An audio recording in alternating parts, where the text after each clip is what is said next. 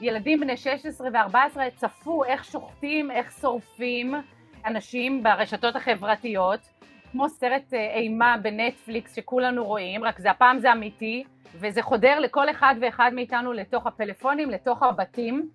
אי אפשר לעצור את זה, אלא אם אנחנו מפסיקים את הסקרנות האישית שלנו ומכבים את הרשתות, אבל מי היום מכבה את הרשתות? הם לא ניסו להסתיר את מה שהם עושים, הם רצו שאנחנו נראה והם רצו שנפחד. תחשבו שבמזרח התיכון חצי מיליארד ערבים היום יושבים בבית וצופים בהם.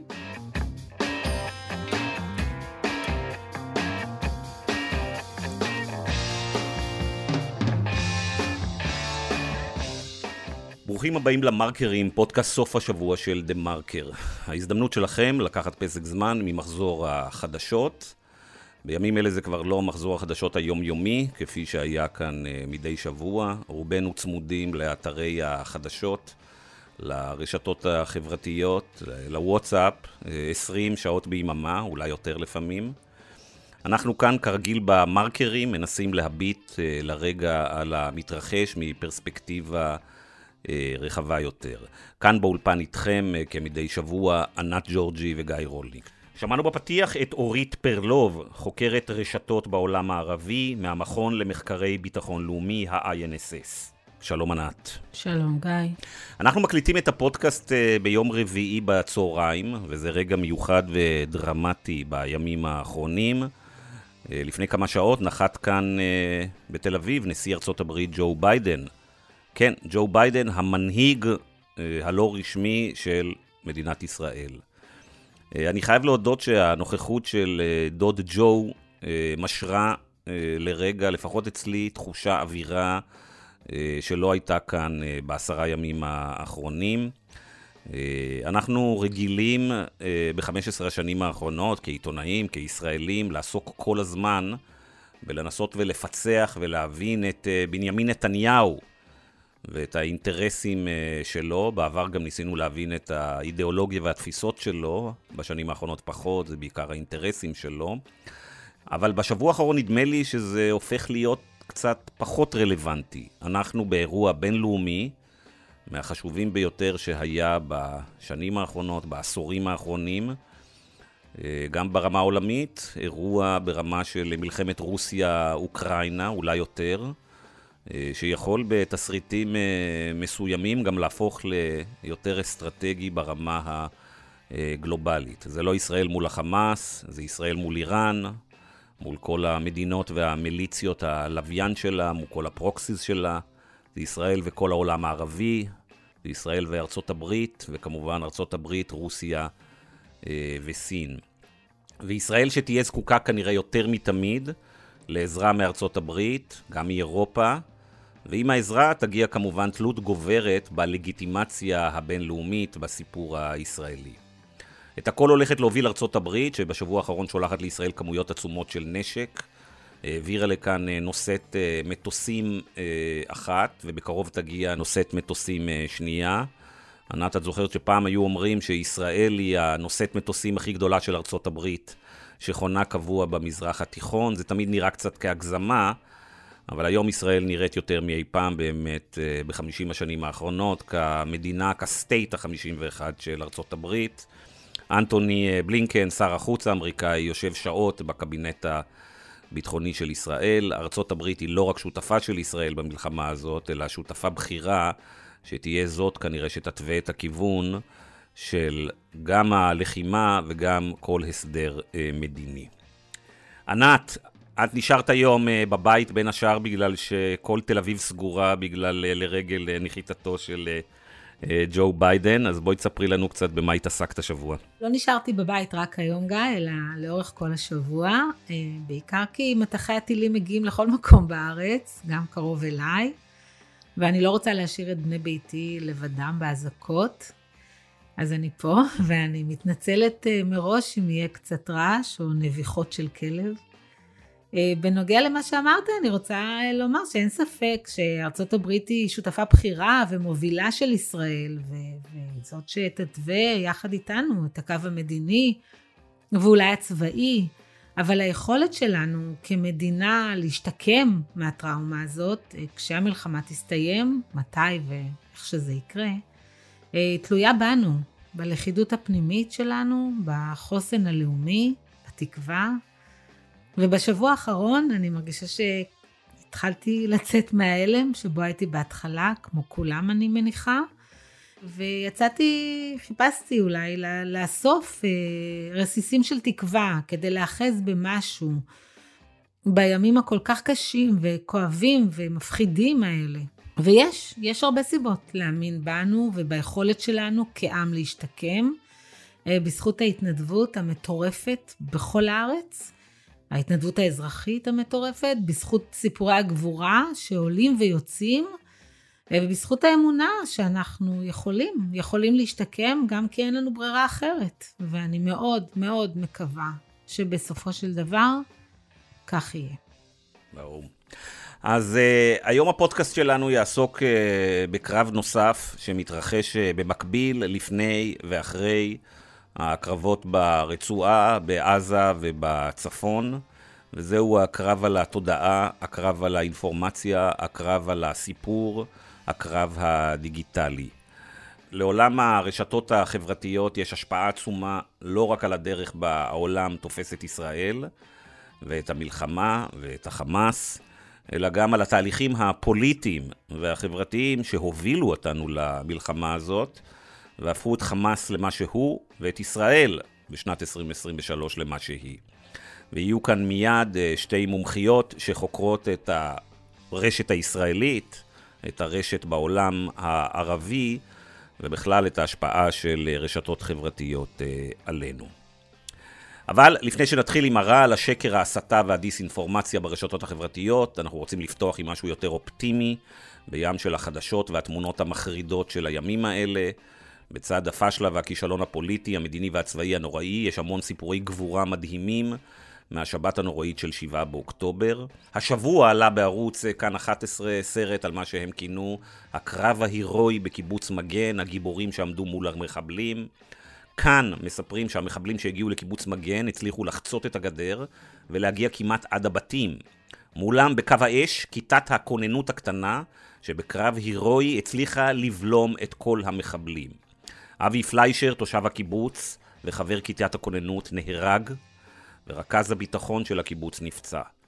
אחד מחברי כיתת הכוננות הוא חובש קרבי בצנחנים, חובש גדודי, בן 24, שהשתחרר רק לפני שנה וחצי מהצבא, בן קיבוץ מגן, גר בקיבוץ, שם גרים גם סבא וסבתא שלו, והוא איתנו היום. ריף כרמין, שלום ריף.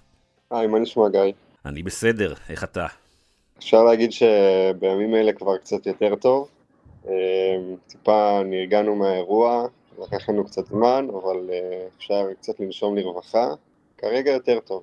אז ריף, בוא תיקח אותנו לבוקר של ה-7 באוקטובר, בשעה שש וחצי בבוקר, מתחיל אה, מטח של טילים, והפעם אה, די ברור שזה לא דומה למה שהיה עד כה. אז כן, נכון. ביום שבת, בשעה פחות או יותר שש וחצי בבוקר, יש אצלנו אזעקה ראשונה בקיבוץ, וכבר אז אה, ברור שזה מטח אה, מאוד כבד, אה, משהו שלא ראינו עוד, עוד בימים קודמים. ומתחיל גם איזשהו, איזשהו שמועה או איזשהו דיבור על, על גם חציית גדר. אבל אנחנו עוד לא כל כך מבינים את הסיפור במלואו, ואני מתעורר מהאזעקה בשש וחצי בבוקר, ובקשר עם אה, אחד החברים שלי מהקיבוץ, שאבא שלו הוא, הוא נמצא גם בכיתת כוננות. והוא אומר לי ככה להיות מוכן, אה, להתארגן, ובעת הצורך שאני אהיה מוכן להגיע לנשקייה של הקיבוץ. ואני חושב שבסביבות אה, עשרה לשבע או משהו כזה אני מקבל ממנו הודעה שאני צריך לצאת לנשקייה ואני זוכר שכבר כשהייתי בדרך לרכב אמ, אני מתחיל לשמוע צרורות של ירי, ירי של נשק אה, קל. יצאנו ועלינו לאיזושהי עמדה בקיבוץ שהיא שולטת, כלומר איזושהי גבעה ש, שצופה על הגדר של הקיבוץ. כשאנחנו מגיעים לגבעה הזאת אנחנו באמת אה, מבינים את, את גודל האירוע, כלומר אנחנו רואים אה, טנדר שכבר היה שם, אני חושב שבסביבות השמונה תשע דמויות שאתה יכול לראות בעיניים שמתעסקות במשהו ב, באזור הגדר, והגדר, כשאנחנו הגענו לשם הגדר כבר הייתה פרוצה. לפני שהגענו לשם הם הניחו מטען אה, ופוצצו חלק בגדר. כמה זה קרוב לקיבוץ, לבתי הקיבוץ? מרחק של uh, עשרות מטרים, פחות מ-100 מטר מהקו בתים הראשון. וניהלנו איתם גם בגבעה וגם uh, במרגלות השכונה שם חילופי אש, אני חושב במשך משהו כמו שעתיים, עד שהרוחות טיפה נרגעו והצלחנו להדוף אותם uh, מחוץ לגדר. איפה היה צבא כל הזמן הזה? פניתם אליהם? דיברתם איתם? זאת גם הייתה אחד, ה, אחד התהיות ש... שהיו לנו, כלומר, כל, במשך כל האירוע, כלומר, זה מה שאנחנו שואלים אחד את השני, מה, מה קורה פה, כאילו, איפה, איפה הצבא?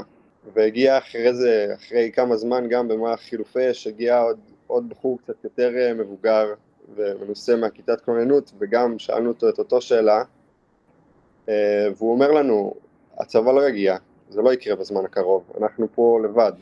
כמה בסך הכל היו סדרי הכוח? זאת אומרת, כמה אתם הייתם וכמה מהמחבלים היו? אז אנחנו היינו, משהו, התחלנו את האירוע בסביבות ה-17 אנשים, אני חושב. אה, שלושה נפצעו, אז 14 אה, אנשים בסוף האירוע. הם היו, לפי דעתי, בסביבות ה-30 אנשים. אה, ולאחר מכן הגיע עוד גל שני, שהוא ככל הנראה היה גם פחות מנוסה, הם הגיעו גם על כמה אופנועים מצ'וקמקים כאלה, ו... וזה אופניים חשמליות, והם לא, לא אה, העמידו איזושהי התנגדות אה, משמעותית יותר מדי. כשהגל השני גם היה משהו בסביבות ה-15-20 איש. אה, ריף, אתה גדלת בקיבוץ ואתה חי שם, וגם בני משפחתך, ותישאר שם גם עכשיו, נוכח כל מה שקורה?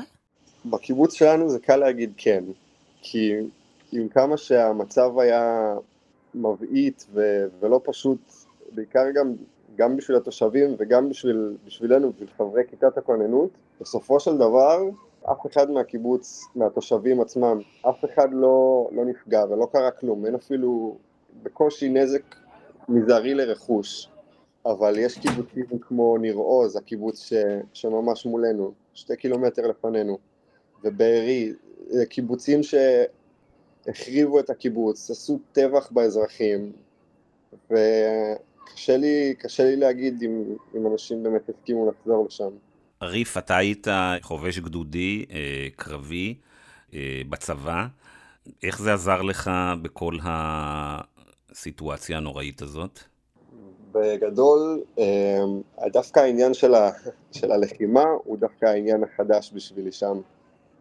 כי כן הייתה לי היכרות מסוימת עם טיפול בפצועים ו... וטיפה ניסיון מזה מהשירות הצבאי שלי. שלמזלי אפשר להגיד גם על השירות הצבאי שלי שהוא היה יחסית נקי מאירועים כאלה. אה, וזה באמת האירוע הראשון שאני, שאני נכנס אליו כש, כשיורים עליי.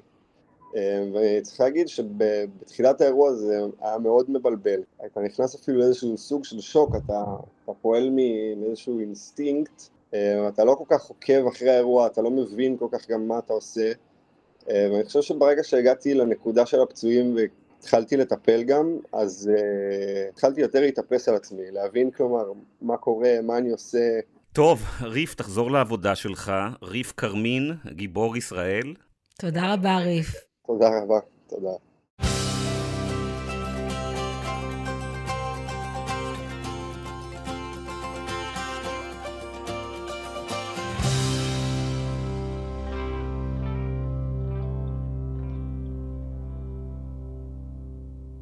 שלום לאורית פרלוב, חוקרת מגמות שיח בעולם הערבי במכון למחקרי ביטחון לאומי, ושלום לפרופסור ענת בן דוד, חוקרת תקשורת דיגיטלית באוניברסיטה הפתוחה. שלום שלום. אורית, אנחנו נתחיל איתך. את יודעת, בזמן שאנחנו נאבקים ככה בזירה הצבאית ומקווים לנצח בה, יש זירה אחת שהסיכוי שלנו לנצח בה הוא הרבה אה, פחות גדול, וזה הזירת התדמיתית, שהיא זירה חשובה ומשמעותית מאוד. אה, ואני רוצה דווקא לדבר איתך על מה שקרה אה, השבוע ביום שלישי בערב. החמאס מדווח על אה, פיצוץ שנשמע בבית חולים בעיר וגבה את חייהם של 500 בני אדם והוא מאשים בזה את ישראל והתשובה הישראלית מתמהמת ואז מה קורה? לא, אז בוא נדייק את זה, זה לא רק שהוא מאשים את ישראל, זאת אומרת הציבור בישראל פותחים תמיד, נפתחת לה מצלמה בפייסבוק ובה הציבור בישראל למעשה אה, חשוף לטבח נוראי שקורה בבית חולים בעזה שבו הציבור בישראל רואה ילדים אה, תלושים, באמת, תמונות זוועה כמו שאמר גיא גם על מה שקרה לפני שבוע. הוא לא צריך את הטלוויזיות ואת הדיווחים של חמאס, רואים את זה. וכן, יש כמובן האצבע המאשימה היא על, אה, במקרה הרע על תקיפה מכוונת של חיל האוויר, במקרה עדין יותר, אה, טעות אנוש, כפי שקוראים לזה, מה שנקרא, אה, כפר כנא 2, במודל של 2023 עם אה, מספרים נוראים, ומרגע זה למעשה מה שהרבה מאיתנו לא, אולי לא מבינים זה שמסתכלים על עולמות התודעה מצד אחד ומצד שני על ניסיון למנוע פיגועי נקמה, הסתה, הפגנות על שגרירויות ישראל באנקרה, על הקונסוליה באיסטנבול, בירדן, במצרים, צרחות ברמאללה ובשכם להפיל את משטרו של עבאס על חוסר העשייה שלו, אם לא עושים את הפעולה המיידית בשעה הראשונה של האירוע, זאת אומרת, וזה לא מספיק שדובר צה"ל יבוא בהצהרה ויגיד זה לא אנחנו, חייבת תמונה תמורת תמונה. זאת אומרת, אם יצא וידאו שמראה ילדים שנטבחו בבית חולים, חייבת לצאת התמונה, אותו סרטון של צה"ל שמראה מי ירה את הרקטה ושמצביע בצורה מאוד ודאית של שחור ולבן שזה לא אנחנו כי כל דבר אחר שיקרה בשעה הזאת הוא כבר, אחרי השעה הזאת זה כבר לא רלוונטי. וגם היום שאנחנו באמת אחרי האירוע הזה עדיין נצרב בתודעה שזאת אשמת ישראל. אני רוצה רגע לפתוח איתך את הדיון הזה לעניין הדעת הקהל. זה נשמע כמו, את יודעת, איזו מלחמה צדדית שהיא חשובה, אבל הרבה פחות מה, מהמלחמה המדינית או הצבאית כמובן. ובעצם מדובר בזירה שהיא לא פחות משמעותית כי היא זאת שנותנת את הלגיטימציה אולי אה, ללחימה ומאפשרת את הימשכותה. כשחמאס נכנסו אה, לשטח ישראל ב-7 באוקטובר הם הגיעו גם עם RPG ועם רובים אבל הם הגיעו גם עם מצלמות גו פרו וצילמו ושידרו מהרגע הראשון דקה אחרי דקה מתוך הבנה שהם רוצים להשפיע על דעת הקהל, להעביר את הנרטיב שלהם בזה שישראל נתפסה לא מוכנה.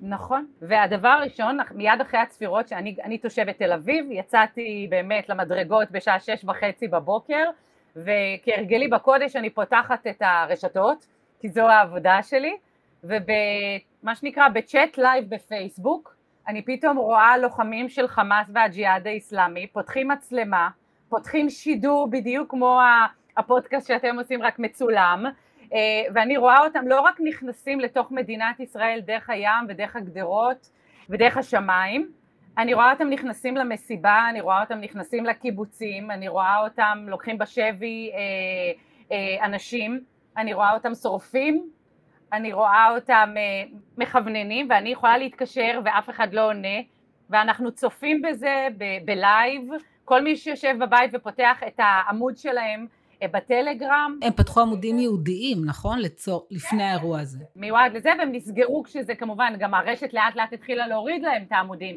אבל בחמש שעות הראשונות אף אחד בכלל לא היה מודע, בטח לא בישראל הרשמית שהדבר הזה קורה. כולם אומרים איפה צה"ל היה, אבל גם הוא לא היה ברשת. אה, ולכן אה, היה קל להם מאוד להטיל טרור לא רק על אוכלוסייה של עוטף עזה, אלא על כל בציבוריות הישראלית למעלה מ-90% נמצא היום ברשתות ואני ואתם אנחנו עוד שכבת גיל בוגרת. הרוב המוחלט של, אה, שנמצאים ברשתות זה גילאי 35 ומטה. ילדים בני 16 ו-14 צפו איך שוחטים, איך שורפים, איך אונסים אה, אנשים ברשתות החברתיות. כמו סרט אה, אימה בנטפליקס שכולנו רואים רק זה הפעם זה אמיתי וזה חודר לכל אחד ואחד מאיתנו לתוך הפלאפונים, לתוך הבתים אי אפשר לעצור את זה אלא אם אנחנו מפסיקים את הסקרנות האישית שלנו ומכבים את הרשתות אבל מי היום מכבה את הרשתות? כי זה מסקרן וזה מעניין. ואצלי באופן אישי גם הרגשתי שאולי אני אצליח להציל מישהו. זאת אומרת שאני רואה את זה ואני איידע את האנשים המתאימים שילכו כי הכל היה, הם לא ניסו להסתיר את מה שהם עושים. הם רצו שאנחנו נראה והם רצו שנפחד והם רצו שאם הם נמצאים בעזה הם רצו שתחשבו שבמזרח התיכון חצי מיליארד ערבים היום יושבים בבית וצופים בהם זאת אומרת אם הם פיזית לא יכולים לצאת מעזה לפחות בעולם של רשתות החברתיות שאין בו גבולות אפשר להגיע כמעט לכל נקודה ולתוך הוואקום הזה אף אחד לא נכנס חוץ מהם. ובעצם זאת, זאת איזושהי ניסיון בעצם לעצב את דעת הקהל והם שלטו בה בהתחלה, כמה זה משנה את המשוואה הכל כך אה, היסטורית ופופולרית שהם העם הקורבן ואנחנו הכובשים ותמיד אנחנו גוליית והם דוד? לא שינה בכלל. זאת אומרת עדיין הציבור הערבי על כללותו הוא מאה אחוז פרו-פלסטיני, אנחנו רואים את זה בהפגנות עכשיו. אני כן אעשה איזושהי אולי אה, הבחנה שלא כל הציבור הערבי, אני לא מוציאה שנייה מהמשוואה את הפלסטינים, לא תומך בחמאס ולא חשב שחמאס, אה, שמח לראות את, ה, את הטרור החמאסי. הם כן, אני יכולה לומר לך בצורה מוחלטת, מאוד שמחו, לראות את ישראל עם המכנסיים למטה, שמחו מאוד לראות את ההבקעה בתוך חומת הביטחון הבצורה של מדינת ישראל, הצבא הכי חזק במזרח התיכון, המודיעין הכי טוב אה, במזרח התיכון אה, בהחלט נתפס אה, בחולשתו ואת זה הערבים מאוד מאוד אוהבים לראות. יחד עם זה את פעולות הטרור ואנחנו רואים את זה גם אפילו מעצבי דעת הקהל בישראל היו צריכים להגיד שהם נגד הרג ילדים פלסטינים ונגד הרג ילדים ישראלים. גם את הקולות האלה אנחנו שמענו, אבל הם היו דבר אחד בטוח, אוהבים או שונאים, כולם היו מרותקים למסכים וכולם רצו לראות את זה. תכף נשאל את, אה, את אורית ואת ענת על התגובה של אה, מטא ושל אה, גוגל יוטיוב ושל הרשתות ושל טוויטר כמובן להתרחשויות האלה, האם הגיבו, מתי הגיבו. מה הן רוצות לעשות ומה הן עושות בפועל. לפני זה אני רק רוצה להבין את העניין הטכני-טכנולוגי עצמו. אורית, את אומרת שאת נכנסת לפייסבוק ורואה את כל הדברים האלה אה, בלייב.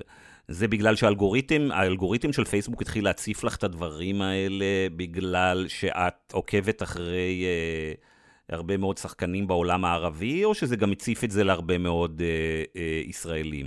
אני, התשובה היא גם וגם, אני באופן אישי עוקבת אחרי עמודים אה, של באמת גם מהמעצבים הכי גדולים של הג'יהאד האיסלאמי וחמאס ולכן אני מראש נכנסת לעמודים שלהם כשיש צפירות וקורה משהו אבל כל מי שחיפש ועשה מספיק שהוא עשה גוגל וחיפש מה קורה בעוטף עזה ישר הרי פייסבוק זורק אותו לתוך העמודים האלה אז אה, זה גם וגם פרופסור ענת בן דוד, בואי תסבירו לנו קודם כל את המצב אה, בפועל שקורה, גם החוקי, גם הנורמטיבי. אורית מספרת לנו פה בעצם שכל ארגוני הטרור, ההרס, הרצח ושאר הדברים הנוראים, הם שחקנים מאוד פעילים ברשתות לפני האירוע הזה, במהלך האירוע הזה, וכנראה אחרי האירוע הזה. כלומר, אה, בעצם הכלי מלחמה אולי העיקרי של הארגונים האלה הוא הרשתות החברתיות. מה הרשתות עושות לפני, במהלך ואחרי? אה, בשתי מילים לא מספיק, אה, אבל גם לפני הן לא עושות מספיק. במהלך הן פחות או יותר סוג של נכפה עליהן לעשות יותר, בגלל דרישות שמגיעות מהאיחוד האירופי. באירופה יש חוק חדש שנקרא Digital Services Act שמחייב very large platforms או פלטפורמות גדולות מאוד לעמוד בכל מיני כללים אה, גם בכללים של תוכן שנחשב אה, חוקי או לא חוקי באיחוד האירופי והחוק הזה מאפשר לאיחוד האירופי אה, לקנוס את הפלטפורמות הגדולות בעד שישה אחוז מהרווחים שלהם אם הם לא עומדים בכללים. עכשיו איחוד אירופה באמת הוציא מכתב אזהרה לכל הפלטפורמות הגדולות כדי להזכיר להן שהן צריכות באמת למלא את התפקיד שלהן. נתן להם כמה ימים גם להתייחס למה שהן עושות חלק מהפלטפורמות התעוררו ו... ו... והוציאו הצהרות רשמיות שהן אה, פועלות, שהן עושות... עכשיו, ב... בימים האלה, ענת? כן, כן. אה, טיק טוק למשל אה, הוציאו הצהרה שהם משתפים פעולה עם סוכנויות אכיפת החוק בישראל למשל, שהם פועלים להסיר תכנים, שהם משתמשים בכל מיני אלגוריתמים שיזהו מראש תוכן שהוא פוגעני, שהם העלו את מספר מנטרי התוכן שדוברים עברית וערבית, הם הוציאו הודעה יחסית אה, אה, מקיפה מאוד על כל הפעולות שהם נקטו. אה, פלטפורמות אחרות הן עושות דברים אבל יותר בשקט, בלי הצהרות פומביות. לא ראיתי שום הצהרה מיוטיוב למשל. יוטיוב, אם, אם נדבר על מה פלטפורמות עושות ולא עושות, היא אפילו מרוויחה כסף מהמלחמה באמצעות מודעות יצא לי לראות גם הודעות יוטיוב מצד ישראל וגם מצד חמאס שמשלמים ליוטיוב כסף כדי שהמודעות שלהם יופיעו בזמן הסרטונים אה, והדבר הזה ממשיך ומתקיים. יוטיוב אמנם הורידה כמה חשבונות ש, שמזוהים עם חמאס, אבל מעבר לזה לא ראיתי איזושהי התייחסות רשמית. אני רוצה לחדד את השאלה המשפטית. אה, אורית מספרת לנו שלאורך כל יום שבת עולים בכל הרשתות החברתיות, שזה בעיקר פייסבוק, אבל זה גם טיק טוק. וכמובן טוויטר ואינסטגרם. תכף נדבר בנפרד על טלגרם, שזה סיפור מאוד שונה. כן, טלגרם שייכת לאיזה רוסים, אין בדיוק שליטה עליהם, הם עושים מה שבראש שלהם. אבל אני מדבר על הרשתות הגדולות, הרווחיות, מכונות הכסף הגדולות. טלגרם, אנחנו לא יודעים אפילו בכלל אם יש לה משאבים כלכליים כדי להתנהל מול הדבר הזה. והם מעלים אה, סרטונים שזוכים לצפיות כנראה של מיליונים או אולי יותר, אה, שבו רואים רצח, אונס ומעשים הכי מחרידים שהיו ב, אה, בהיסטוריה הקרובה. קודם כל הן לא מסוגלות או לא רוצות לעצור את הדבר הזה, אה, ובעצם הן גורמות אה, נזק מטורף מכל כיוון אפשרי. הייתי חושב, אני לא יודע, זה כמובן, אה, אני אומר את זה wishful thinking, אבל היינו רוצים לראות את המנכ"לים של כל החברות האלה נמצאים היום בחקירות. באיחוד האירופאי ובארצות הברית, ואיפה שהחברות האלה נמצאים. רבותיי, אתם גרמתם פה נזקים מטורפים, אתם כלי טרור.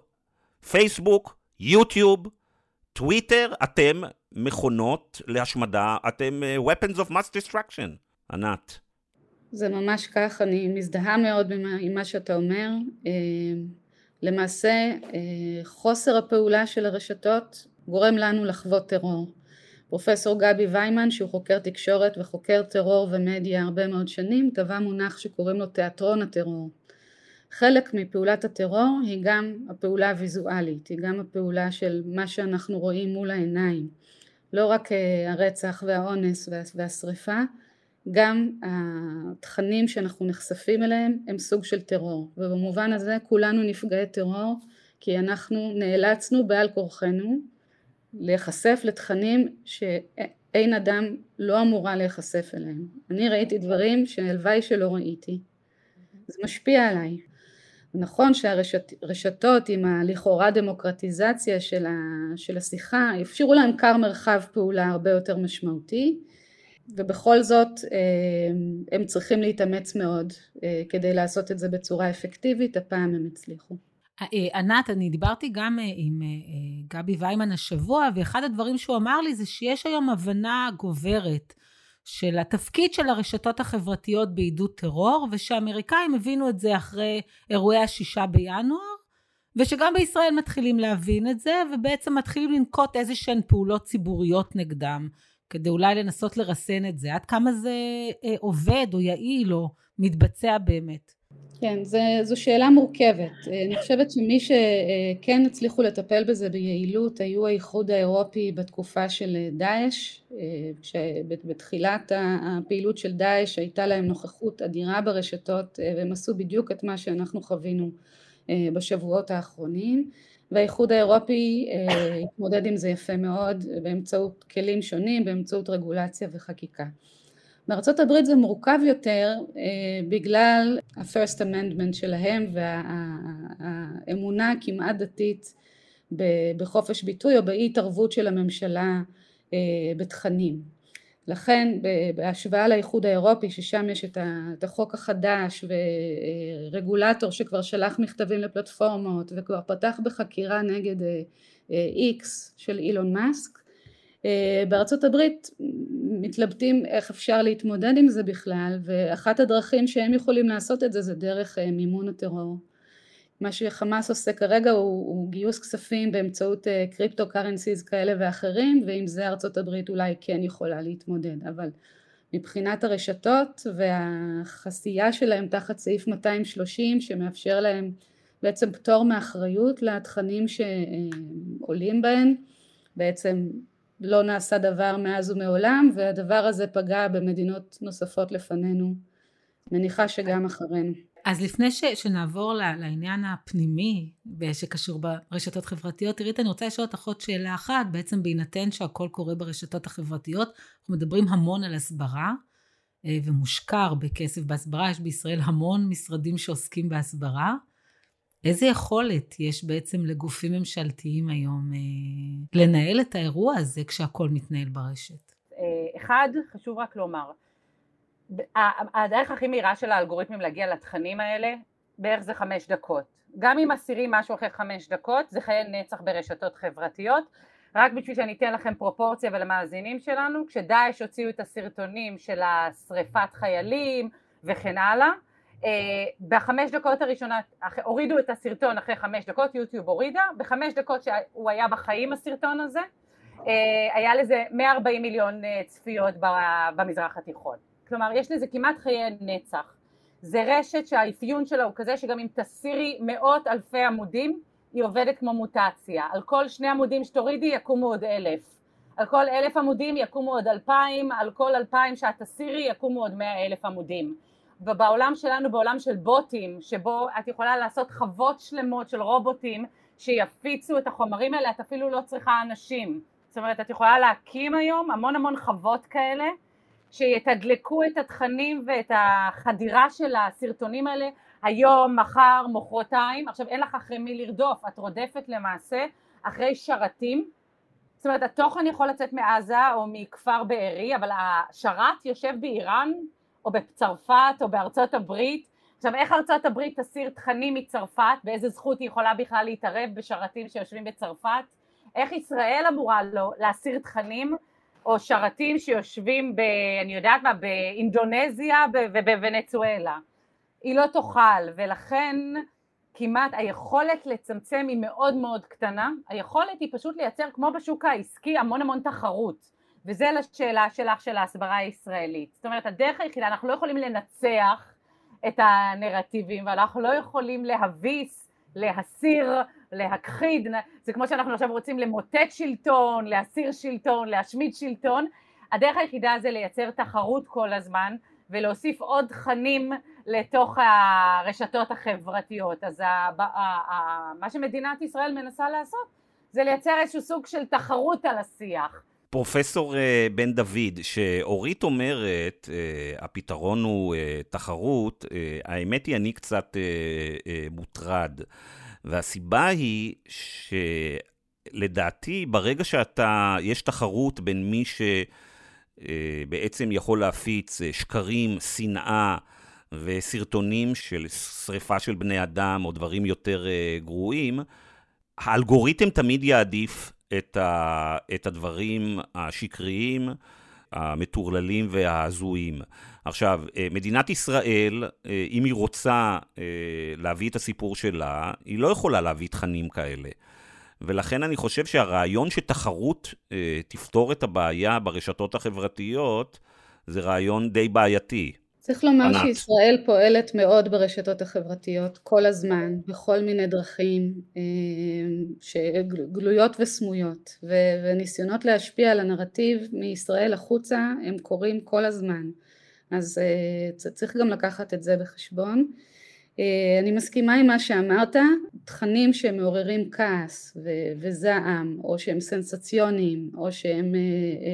שקריים. אני זוכר שהיה בשעתו מחקר לפני כמה שנים על טוויטר, כי טוויטר הייתה בעבר החברה היחידה בעצם ששיתפה פעולה עם האקדמיה, עם חוקרים, בשעה שפייסבוק ואינסטגרם מסתירים את המידע, הם אומרים שהם ייתנו מידע לחוקרים ואחר כך הם לא נותנים אותו, אבל בכל אופן בתקופה לפני אילון מאסק, שטוויטר עוד שיתפה את החוקרים עם הנתונים שלה, פתחה להם אה, API כזה, אז אנחנו פשוט ראינו אה, במחקרים שנעשו שעל שקר עושים יותר retweet או repost כמו שקוראים על זה מאשר על אמת. שקר הוא, הוא הרבה יותר ויראלי. נכון. עכשיו אין, אין כאן תשובה טובה, זאת אומרת, אה, כי, כי יש מלחמה על נרטיב, זאת מלחמה היסטורית על נרטיב, כל הסכסוך שלנו טווח באופן היסטורי על נרטיבים, כל הרעיון הזה של המילה הזאת הסברה הוא חלק מהעניין הזה של, של, של תחרות על נרטיב, אבל uh, אני גם מסכימה שהתחרות הזאת היא מרוץ לתחתית. כי בסוף אנחנו אה, הופכים שוב להיות משועבדים למכונה. אנחנו מייצרים עוד ועוד תכנים באיזושהי מחשבה שאם נוסיף עוד ועוד אז האלגוריתם ידחוף פחות משם, אם נוסיף עוד ועוד אז אה, אולי מישהו ישנה את דעתו. הרי אנחנו יודעים איך התכנים נדחפים ולמי, מי שרוצה לראות משהו יראה את מה שהוא רוצה לראות ולא את הצד השני. אם יש מלחמה אולי זה על, ה, על התקשורת המסורתית אולי לעצב את הנרטיבים שלהם דרך ייצור תוכן אבל בעצם זאת הופכת להיות תחרות שהיא כמעט חסרת תוחלת שגורמת לנו פשוט לעבוד עוד ועוד בשביל הפלטפורמות האלה במקום ליישר אותן ולתבוע מהן אחריות על, על התפקיד של האלגוריתמים שלהם בהפצה של, של שקרים ושנאה במיוחד במצב מלחמה רק כדי כן להיצמד לעובדות, אמרת קודם שתכנים אה, קשים יופצו יותר מאשר אה, אה, עם תכנים שרוצים לעשות fact checking ולדבר על אמת, אבל בדוח בדיקת נאותות שפייסבוק הזמינה לעשות לעצמה על ידי חברה חיצונית אחרי שומר חומות, המסקנה הייתה שה... שדווקא הצד הפלסטיני הוא מופלה לרעה על ידי אלגוריתמים של פייסבוק. שלפייסבוק לא היו לו מספיק אה, מנטרי תוכן בערבית ולכן צנזרו שם הרבה תכנים אה, באופן שפגע בחופש הביטוי אה, האלגוריתמים שלהם לא יודעים לעשות content moderation בצורה אפקטיבית בערבית, מה שהוביל לפגיעה משמעותית. כן, באמת, בהמשך למה שאמרת על, על סינון תכנים בעולם הערבי לעומת מקומות אחרים, לפני כמה שנים ראיינתי את אחת מחושפות השחיתויות בפייסבוק, ה-whistleblowers, אם אני לא טועה, קראו, קראו לה צ'אנג, אה, והיא עבדה במחלקה שטיפלה בדברים האלה, ובגדול היא אמרה לי, תשמע, זה מאוד אה, פשוט. פייסבוק, את המשאבים שלה בניטור של הרעל ושל השקרים ושל ההסתה ודברים שמערערים את היציבות החברתית ודמוקרטיות, משקיעה לפי השאלה אם קורים שם אירועים לא נעימים, האם זה מגיע לעמוד הראשון של הניו יורק טיימס. ולכן המשאבים שהיא תשקיע בעולם המערבי יהיו הרבה יותר גדולים, נניח מהמשאבים שפייסבוק אה, תשקיע נניח בניטור אה, דברים במינמר, אה, או באזור במזרח התיכון. ורק לסבר את האוזן, שוב, תמיד צריך להגיד את זה למאזינים, שלא כולם זוכרים את זה, פייסבוק וגוגל, שהיא הבעלים של אה, אה, יוטיוב, זה שתיים מהחברות הרווחיות ביותר בעולם. כלומר, שם בראש החברות האלה עומדים מרק צוקרברג במקרה של פייסבוק ואינסטגרם ווואטסאפ, וסרגי ברין ולארי פייג' וסונדר פיצ'אי במקרה של גוגל, והם פשוט מחליטים כמה כסף מתוך ה-20, 30, 40 מיליארד דולר שאנחנו מרוויחים, מרוויחים נטו בשנה, אנחנו נקדיש אה, להילחם בפייק ובשקר ובהסתה. אה, ועושה רושם, לפי המסמכים הפנימיים שדלפו מפייסבוק ולפי העדות של פרנסיס האוגן, החושפת שחיתויות, שיותר חשוב להם בעלי המניות אה, ולפעמים אינטרסים פוליטיים, מאשר לדאוג לרווחת האנושות. טוב, מפה אנחנו רוצים לעבור קצת לזירה הפנימית ולדבר קצת מה קורה בתקשורת בישראל, איך זה משפיע על הפוליטיקה הישראלית. הפוליטיקה הישראלית השתנתה דרמטית. אה, כולם אומרים 15 שנות שלטונו של אה, אה, בנימין נתניהו, ואני רוצה להוסיף שזה גם 15 שנות שלטונה של פייסבוק. פייסבוק אמנם קיימת כבר כמעט 20 שנה, אבל היא הפכה להיות שזורה, אמבדד בתוך החיים שלנו, בצורה כל כך משמעותית, פייסבוק ולאחר מכן כמובן טוויטר ויוטיוב וטיק טוק, פחות או יותר לפני 10 ו-15 שנים, והיא שינתה לחלוטין גם את ה... כנראה את הפוליטיקה הישראלית. ואנחנו גם רואים שבעוד שהממשלה אה, וצה"ל לקחו להם 24 או עוד 48 שעות אה, להתעשת, פרופסור בן דוד, את ראית שלעומת זאת יש קבוצה באינטרנט הישראלי, ברשתות הישראליות, שהתעשתה די מהיר והתחילה לעשות תעמולה משלה. אז בואי תספרי מה את רואה. כן, אה, ראינו כבר ביום, ביום שבת השחורה, בשבעה באוקטובר, אה, חשבונות של מה שנקרא משפיענים, אה, כל מיני חשבונות של נשים בעיקר, שיש להם הרבה מאוד עוקבים, שהתחילו להעלות סרטונים או פוסטים או ציוצים שמדברים על כך שמה שקורה לא יכול לקרות מבלי בגידה מבפנים חלק מהן סיפרו שהן היו תצפיתניות בעצמן ומה שהן רואות שמתרחש פשוט לא יכול להיות ולכן זאת חייבת להיות בגידה מבפנים. עכשיו מספיק שיש כמה כאלו שיש להם מספיק עוקבים בשביל להתחיל אה, אה, להפיץ את הדבר הזה כאש בשדה קוצים, משם זה עובר לקבוצות הוואטסאפ הרבות, אה, משם זה ממשיך להתגלגל לערוצי תקשורת שממשיכים לטפח את הקונספירציה הזו ומהר מאוד אנחנו נמצאים עם נרטיב שהמחדל הזה שקרה אה, הוא בגלל אולי תנועת המחאה, אולי בגלל אה, קצינים מבפנים, מייצר נרטיב אה, שמתחרה לשאלות המאוד מאוד קשות על האחריות למחדל הזה. כן, אז מישהו מנהל גם קרב uh, באינטרנט, מה שלפעמים קוראים uh, מכונות הרעל. Uh, יש מישהו מה, בפוליטיקה הישראלית, uh, יש שחקן אחד דומיננטי בתוך הרשת הזאת, ש, שהוא טוב יותר מכל הפוליטיקאים ומכל שאר המשפיענים. נכון, uh, ציינת את שמו קודם, uh, ואני הייתי מסמנת את קו פרשת המים ב-2015, ולא ביום לידתה של פייסבוק. אני חושבת שמאז הניצחון של נתניהו בבחירות 2015, חל ברשת הישראלית שינוי דרמטי אה, שהתבטא בשימוש בכלים שונים רבים ומסיביים שיום אחד נצטרך עוד אה, אה, להוכיח אותם ולהראות אותם בצורה אמפירית או שיום אחד מישהו שעובד בדברים האלה יתעשת ויספר מה הם עשו אבל זה ברור שמ-2015 לנתניהו יש שליטה כמעט מוחלטת במרחב הרשתות בישראל. אה, ואנחנו רואים את זה גם עכשיו כשהצוות של היחסי ציבור שלו והרשתות אה, כשיש דיווחים בתקשורת שהוא משתתף בישיבות ההסברה הרשמיות של המדינה וכולי אנחנו מבינים עד כמה המדיניות הרשמית של ישראל מעורבבת עם הפוליטיקה ועם המסרים שיוצאים החוצה זה לא רק ברשת, זה בעצם גם בערוץ טלוויזיה שהוא יהודי לצורך העניין. נכון. אה, הרשתות היו לפני אה, המהלך של ערוץ 14, אולי ערוץ 14 משלים את המהלך הזה, אה, אם תרצי.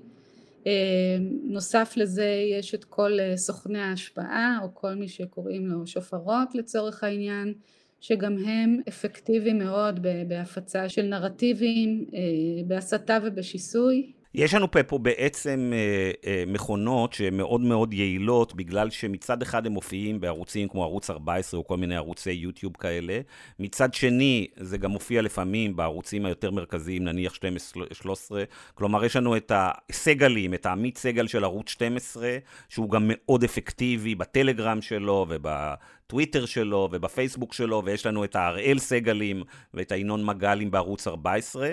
והחבורה הזאת יודעת להשתמש ברשתות חברתיות יותר טוב מכל השחקנים, ואנחנו, מי שחי את העולם הישן חושב שיש עוד עובדות, יש עוד עיתונות, יש עוד עריכה, ובעצם אין כלום. העיתונאים האלה נכנסים ישר לטלגרם ואומרים את מה שהם רוצים.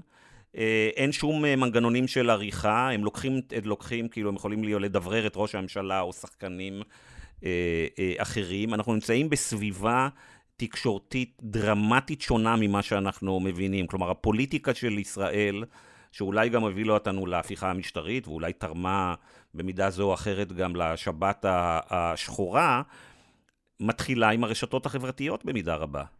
תראה, המתווכים הולכים ונעלמים, כלומר אם כל ילד יכול לפתוח מצלמה וכל טרוריסט פותח מצלמה וכל, אה, כמו שאתה אמרת, זה גם מגיע כמובן לעיתונאים, ובאופן אה, בלתי מתווך מגיע, האינפורמציה מגיעה לציבור, אז כן, המתווכים שעדיין שמרו, כמו שאתה אמרת, על אמת, על עובדות, הולכים ונכחדים אה, בעולם הזה, ומלחמה, כמו שאתה אמרת, כמו שאתה אמרת על הנרטיב, זה כמעט מלחמה אבודה. הרשתות בחוסר אונים, אני לא יודעת אם הרשתות, אבל בטח ממשלות בחוסר אונים אה, כמעט מוחלט, חלקן אפילו נהנות מה... הרג המתווכים והאליטות, לא משנה של מה, בין אם זה תקשורת ובין אם זה זה, זה משרת אותם באיזושהי דרך ה- ה- להגיע ישירות לציבור, וזה לא משנה אם זה ארגון טרור או, או מפלגה או פוליטיקאי, הם יכולים להגיע בצורה לא מתווכת לציבור בוחרים שלהם ולציבורים רחבים יותר. זאת אומרת שאפילו שדובר צה"ל היום מדבר על מה שקרה אתמול, הוא כבר מגיע לקהלים הרבה יותר גדולים באמצעות הרשתות החברתיות, הוא לא צריך להצטמצם אה, רק בחברה הישראלית, וכן הלאה, הוא יכול לדבר לקהלים הרבה יותר גדולים, זה באמת פתח מרחב ויראלי, כמו שאמרתי, ההבדל בין המדינות הפיזיות לרשתות החברתיות, אחד ההבדלים זה שאין גבולות, אין שום דבר שעוצר את האינפורמציה, את הידע, אה, בין אם הוא אמיתי או שקרי, לנוע לו ברחבי הרשת, אה, ואנחנו לעולם, אנחנו יודעים איפה הוא מתחיל, אנחנו לא יודעים איפה הוא נגמר אה, בעיקרון, ומי עומד בסוף ויעשה גם, הבעיה זה לא רק הידע, זה שאנשים בסוף עושים מעשים שמתבססים על אותו ידע ואותו רעל ואותם שקרים שנכנסים לרשתות החברתיות. זאת אומרת, אינפורמציה שקרית שמתחילה בנקודה אחת, מובילה בסוף, אנחנו בעולם המושגים שלנו קוראים לזה אירועי נקמה ואווירה, אבל זה מתחיל במילה, ללא תיווך, וזה נגמר בפעולות של טרור, נקמה, השחתה, ונדליזם, שריפה של אה, שגרירויות, אה, שריפה של, ראינו, אני רוצה לעבור רגע לענת, זה בעצם מייצר עוד משהו, וזה שני יקומים מקבילים. זאת אומרת, אני רואה ברשתות החברתיות משהו אחד, וחיה במין מציאות מסוימת, ויש אנשים שחיים במציאות אחרת לגמרי. אה, ורואים בהם, למשל, אני חושבת שככה וככה הם אחראים לזה, ואני רואה את זה ברשתות, וזה מחזק את העמדה שלי, ויש מי שלמשל אמרו לו שיש בוגדים מתוך הצבא, וזה העולם שלו. זאת המציאות, זה בניגוד למדיה. שמשדרת את אותו דבר לכולם, פה כל אחד צורך את מה שהוא רוצה. יש הכל. המדיה היום לא משדרת אותו דבר לכולם, אני חושבת שערוצי התקשורת שלנו היום כן הולכים ומתבדלים וגם משדרים בעקבות הרשתות אה, הרבה פחות בקהלים מאוד מסוימים. אבל כן בעצם אה, את נוגעת בהשערות או בתיאוריות על פולריזציה והתפקיד של האלגוריתמים של הרשתות החברתיות כך שהם אה, בעצם מפצלים אותנו או שגורמים לנו לקיטוב מפני שאנחנו חיים בעולמות ידע שמוזנים רק מתכנים דומים. אה, אני רוצה להוסיף לדבר הזה גם את ההתארגנות של החברה הישראלית כחברה דיגיטלית בשנים האחרונות בקבוצות של המסרים המיידיים. הפולריזציה שאולי התחילה ברשתות, אה, יש על זה מחלוקת במחקר אם אכן זה גורם לפולריזציה או לא, אבל מעבר למה שקורה ברשתות, אני חושבת שבכל השנים של חוסר היציבות הפוליטית בישראל והבחירות והמחאות וכולי, נוצרה התארגנות חברתית רשתית בישראל סביב תוכנות מסרים מיידיים בוואטסאפ ובטלגרם, כך שכולנו בעצם איכשהו משויכים, כל הקבוצות החברתיות שלנו כבר מאורגנים בצורה יחסית מקוטבת בתוך הקבוצות שיח שאנחנו מקיימים אותם ברשתות המסרים המיידיים. ולכן זה לא משנה אם משהו עולה בוואטסאפ או ב, סליחה בטוויטר או, ב, או בפייסבוק בסוף המידע הזה עובר ברשתות שהן פיר טו פיר ושם הוא עובר הלאה גם שוב ושוב לאנשים אה, אה, שיש להם את אותה דעה אני חושבת שזה גם אחראי מאוד לעולמות הכל כך שונים שאנחנו חיים בהם. כן, אי אפשר לסיים את הפודקאסט הזה בלי להזכיר שהשבוע, אה, כדי, כדי להבין מאיפה אנחנו נמצאים מבחינת הפוליטיקאים והציבור מול ה... אה, רשתות, שהשבוע זומן בכנסת דיון על מה שקורה ברשתות החברתיות, והנציגות של גוגל ופייסבוק לא טרחו להגיע. אה, וזה לא פעם ראשונה, גם כשהייתה קמה ועדה ממשלתית בשעתו במשרד התקשורת, משרד המשפטים, לעסוק בעניין הזה, אה, הרשתות פשוט לא מגיעות. שלחו דרגי ביניים וגם לא נתנו אינפורמציה, יש על זה אה, סיפורים שלמים, הם שביקשו מהם אינפורמציה על הסתה, שקרים, דברים כאלה, הם נתנו אינפורמציה אגרגטיבית, כלומר מה שקורה בכל העולם, שישראל כמובן היא טיפה בים, כלומר בעצם הם בזות לציבור הישראלי, למוסדות הדמוקרטיים הישראלים ולחברי הכנסת הישראלים, וגרוע מזה אנחנו רואים שהפוליטיקאים רק אה, משתחווים אה, בפניהם כי הם זקוקים ל... לרשתות. אני מקווה מאוד שהאירועים של, ה, אה, של השבת ישנו את זה, בשביל זה לפי דעתי גם צריך שינוי בשלטון, למרות שאני לא ראיתי את האופוזיציה מתעסקת עם, ה, עם העניין הזה. בכל אופן, לכנסת השבוע הם לא הגיעו. אני יכולה לומר רק דבר אחד שהוא בעיניי קריטי, לפחות במזרח התיכון. יש לך חצי מיליון ערבים שאין להם קול במדיה. מיליארד. מיליארד, כן, חצי מיליארד, סליחה. ערבים שאין, וזה בכלל מבלי האיראנים ובלי הטורקים. שקולם של האנשים הצעירים, המיעוטים במזרח התיכון, אתה לעולם לא תשמע אותם במדיה המסורתית, וצריך גם להגיד את זה, ללא הרשתות החברתיות אתה לא תשמע את הקולות, את השיח, את הריבוד, את האירועים שקורים בכל אחת ואחת מהמדינות אה, ששכנות לנו. לא, אנחנו מדברים על טרור כי כרגע יש אירוע שהוא אנומלי מאוד, אבל לאורך כל השנה יושבות להן נשים בסעודיה ונשים במצרים וחצעירים בירדן ובלבנון ואין לך מושג מה קורה איתם, מה הם חווים, מה הם היו רוצים, מה השאיפות שלהם ובאמצעות הרשתות החבר... החברתיות נכון שיש המון תופעות מכוערות, מגעילות, איומות שצריך לטפל בהן, אבל אנחנו צריכים לזכור שבקצה השני הם גם בכל זאת נותנים ווליום ונראות למיליוני ומיליארדי אנשים שאין להם קול ואין להם נראות ואין להם זכויות בעולמות של עולם שלישי. אז אנחנו, נוח לנו כרגע לשים את כל הזרקור, וזה טוב שכך, כי אנחנו באמת נתקלנו במפלצת איומה שהרשת מייצרת, אבל צריך לזכור שב-365 ימים בשנה יש לנו הרבה מאוד uh, הצעירים וצעירות ונשים ומבוגרים ומיעוטים שלעולם לא נדע על קיומם ללא הרשתות החברתיות וצריך גם להזכיר את זה. אני מסכימה מאוד, אה, אבל זוכר רפיפיות. כי אה, האופן שבו את מתארת את, ה, את הרשתות שנותנות לנו קול, אז קודם כל זה גם הנרטיב שמרק צוקרברג כל הזמן דוחף אותו, אבל אה, במקביל לזה זה בעצם משקף איזושהי תפיסה שאני מסכימה איתה שהרשתות הן בעצם מסמך היסטורי קולקטיבי. אנחנו כותבים את הכל ובעצם אנחנו כאילו האנושות מתעדת את עצמה וכותבת את עצמה וזה המסמך שיש לנו לעבוד איתו בשביל לדעת את עצמנו יותר טוב. אני לא אכנס ללמה זה אני חושבת שזה לא נכון. הצד השני של זה זה כמה אנחנו מעמידים את עצמנו בסכנה גם מהאוכלוסיות שאת מדברת עליהן וגם אוכלוסיות כאן בישראל שכל מה שאנחנו כותבים הופך להיות רקורד שמישהו אחר כך הולך ומלשין ואומר היא עשתה לייק לזה ועכשיו עשו מעצרים של מורים ושל מרצים ושל סטודנטים ועכשיו שר החינוך קורא לראשי האוניברסיטאות לנטר את השיח ברשתות החברתיות רק כי זה אפשר טוב, פה אני אקח עמדה שונה, ענת ג'ורג'י, מזאת של פרופסור ענת בן דוד ושל אורית אה, פרלוב. זה נושא שאנחנו דיברנו עליו הרבה בפודקאסט הזה. הדעה שלי שונה מאוד משל אה, שתיהן. אני חושב שהרשתות החברתיות בנטו הורידו את החופש, אה, פגעו במיעוטים, החלישו את הדמוקרטיות. הסיפור הזה שהם נותנים קול הוא נהדר, אבל ברגע שיש לך קול אינסופי וכמויות אינסופיות של אינפורמציה, בעצם אין לך קול. ברגע שאפשר להגיד גם שהכל אמת והכל שקר, אז בעצם הכל אה, שקר. ואם נחזור לאביב הערבי, באביב הערבי אמרנו שזה מכשיר דמוק, דמוקרטי. מה שקרה בעולם הערבי מאז אנחנו יודעים, העולם הערבי לא נהיה יותר דמוקרטי. ב-15 שנים האחרונות, על פי כל המחקרים של כל הגופים הגדולים בעולם, הדמוקרטיות בעולם בנסיגה. כך שאני חושב שבנטו ברור שהרשתות החברתיות הביאו לפחות חופש, יותר פגיעה במיעוטים ובחלשים, יותר עימותים, יותר סכסוכים, יותר טרור, יותר מהכל. ולדעתי, אני חושב שהאקדמיה אה, מפגרת פה מאוד בגלל השיטות שלה, המתודולוגיות שלה, הקונבנציות שלה, לבוא ולהגיד בצורה ברורה שמאז שהרשתות החברתיות הופיעו אה, בחיינו, אה, היסודות הדמוקרטיים ברוב העולם הולכים ו... נשחקים, אבל זה כמובן דעתי. ואני אה, אני רק רוצה, כן. אני רק רוצה, כמובן שאנחנו, אני, אני מסכימה איתך במאה אחוז, אני כן חושבת שזה יותר מורכב מזה שזה רק רע.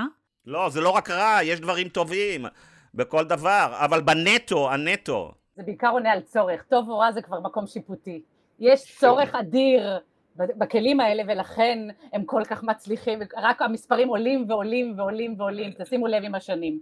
גם פה אני, אני מסתכל קצת אחרת, אני חושב שהרשתות באמצעות האלגוריתמים שלהם יצרו, הם לא רק אה, השתמשו בצרכים שלנו כבני אדם, אלא בעצם הכל התחיל מהצרכים שלהם למקסם רווחים.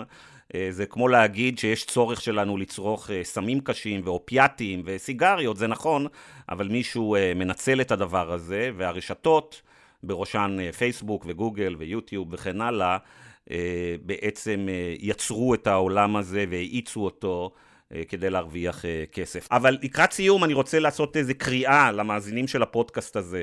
תראו, בכל העולם, בעיקר בארצות הברית, אחרי שטראמפ עלה לשלטון ואחרי אירועים שישה בינואר, הייתה התפכחות מסוימת, וכתוצאה מכאן יצאו חושפי שחיתויות, whistleblowers, מתוך פייסבוק וגוגל ויוטיוב וטוויטר, וסיפרו לעולם מה שהם ראו בתוך החברות האלה.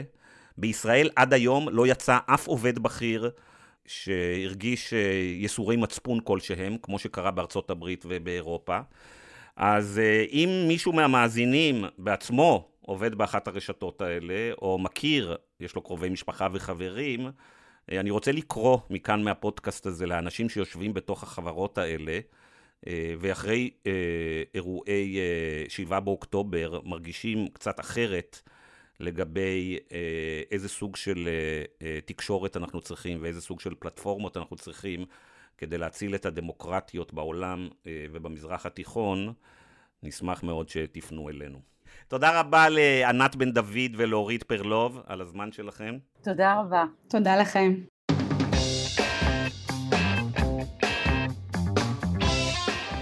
אז זה היה פודקאסט ארוך, שככה מטוטלת מאוד מאוד אה, משמעותית בין סיפור גבורה לסיפורי פייסבוק.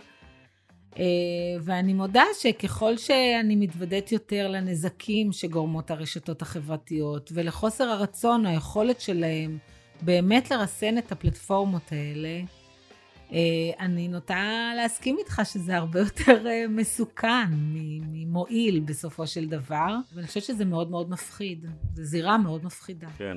אמרת בצדק, אה, ענת, שהנושא של הרשתות החברתיות הוא הרבה יותר מורכב מהדרך שבה הצגתי את זה, אז כמובן שאנחנו נמצאים בפודקאסט, אנחנו לא בסמינר... אה, אקדמאי, כדי להציג את כל הצדדים כאן ולדבר על סוג הרגולציה שצריך כאן.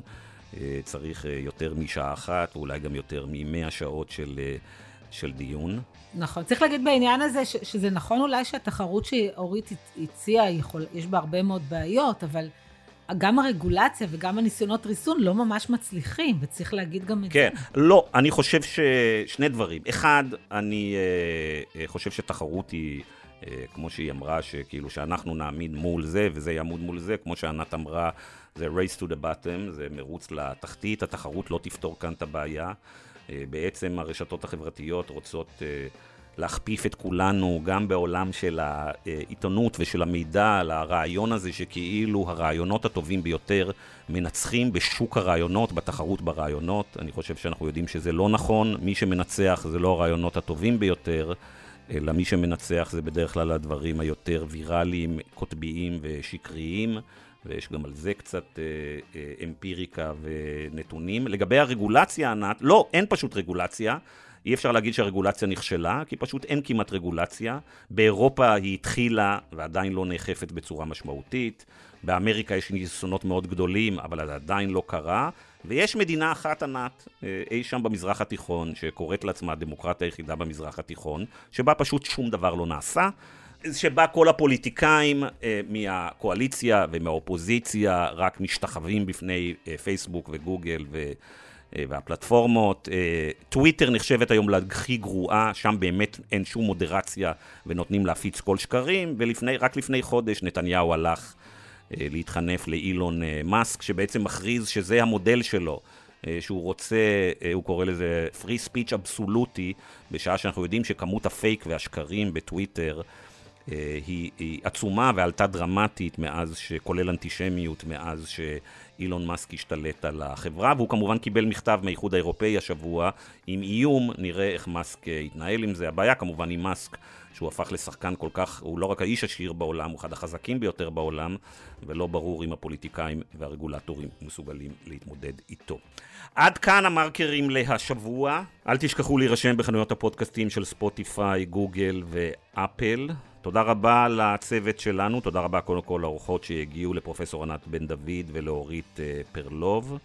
תודה רבה למפיק שלנו אמיר פקטור, תודה רבה לעורך האגדי שלנו, שגם תחת uh, טילים וממדים uh, ממשיך להגיע לאולפן כמדי יום וכמדי שבוע, דן ברומר.